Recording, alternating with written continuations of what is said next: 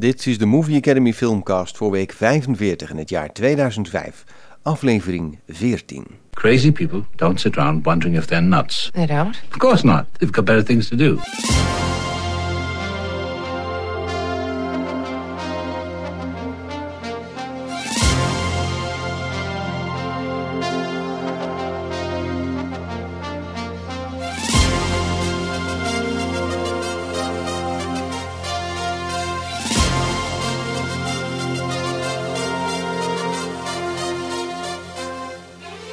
Hallo en welkom bij aflevering 14 van de Movie Academy Filmcast, jouw internetadresje voor de leukste filmbesprekingen van Nederland.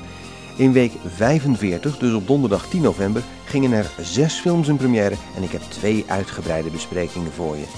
In deze podcast hoor je verder muziek van Bob Rivers, Otto Waalkes, Dr. Anders P. en van de soundtrack van The Hitchhiker's Guide to the Galaxy. De Movie Academy Filmcast heeft ook een website www.filmcast.nl met meer dan 600 filmbesprekingen. Mijn naam is Martijn Warners. Ik ben blij dat je luistert.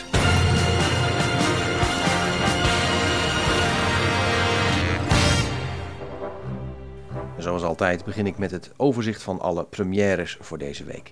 Daar zit een Nederlandse film tussen, namelijk Diep van Simone van Dusseldorp. Een verfilming van de autobiografische roman Het leven bestaat niet van Hendrikje Spoor uit 2001 voor de belezen mensen onder ons. En het verhaal is als volgt. Onder invloed van de roerige jaren 70 verwart de 14-jarige Helene liefde met seksualiteit en ontwikkelt zich iets te vlug van meisje tot jonge vrouw. Ja, zo'n soort film moet je liggen natuurlijk. Een Nederlandse film over seksualiteit van jonge meisjes. Uh, doe mij maar iets waar, uh, waarbij iets ontploft, vind ik eigenlijk leuker. A History of Violence komt wat dat betreft als geroepen. Het is een misdaadthriller van David Cronenberg met Viggo Mortensen als een normale huisvader die plotseling van een crimineel verleden verdacht wordt.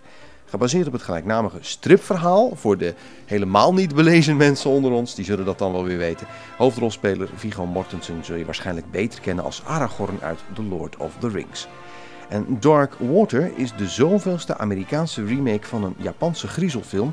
Deze keer het verhaal van een moeder en haar dochter die na een emotionele scheiding in een nieuwe woning trekken en daar geterroriseerd worden door een geest. Op de Internet Movie Database krijgt deze film gemiddeld een 5,4 en meer dan 3200 mensen hebben inmiddels hun stem uitgebracht. Dus ik denk echt dat het een zeer doorsnee, zo niet zeer matige horrorfilm of thriller is geworden. Inside Deep Throat is iets heel anders, een documentaire. Deep Throat, dat zegt de meeste mensen wel wat. Maar het gaat nu niet om de tipgever uit het Watergate-schandaal, maar om de beruchte en uiteindelijk ook invloedrijke seksfilm uit 1972. Een film waar de onderwereld grof geld aan verdiende en waarvoor de mannelijke hoofdrolspeler tot vijf jaar cel werd veroordeeld, hoewel hij niet heeft gezeten. Het is een documentaire om 33 jaar later nog eens te kijken hoe het nou met de hoofdrolspelers en de andere betrokkenen is gegaan. Dennis Hopper heeft het commentaar ingesproken. Op zich is dat niet zo bijzonder, maar het is wel leuk om een heleboel zilverharige bejaarden met kunstheupen en kunstgebitten te horen vertellen hoe zij in de tijd deze pornofilm hebben opgenomen. Bovendien hebben ze inmiddels allemaal een hekel aan elkaar, dus dat is ook wel grappig. Ze zitten lekker te mopperen en er is een briljant stukje waarin de man die de film in Florida in distributie bracht, inmiddels ook een oude knar, tijdens het interview door zijn vrouw afgebekt wordt omdat zij niet wil dat de buren er kwaad over spreken. Voor de seks hoef je overigens niet te gaan kijken, want in 1972 hadden vrouwen meer schaamhaar dan hoofdhaar, had nog niemand van plastische chirurgie gehoord en bovendien word je echt ontzettend melig van al die hangsnorren bij die kerels.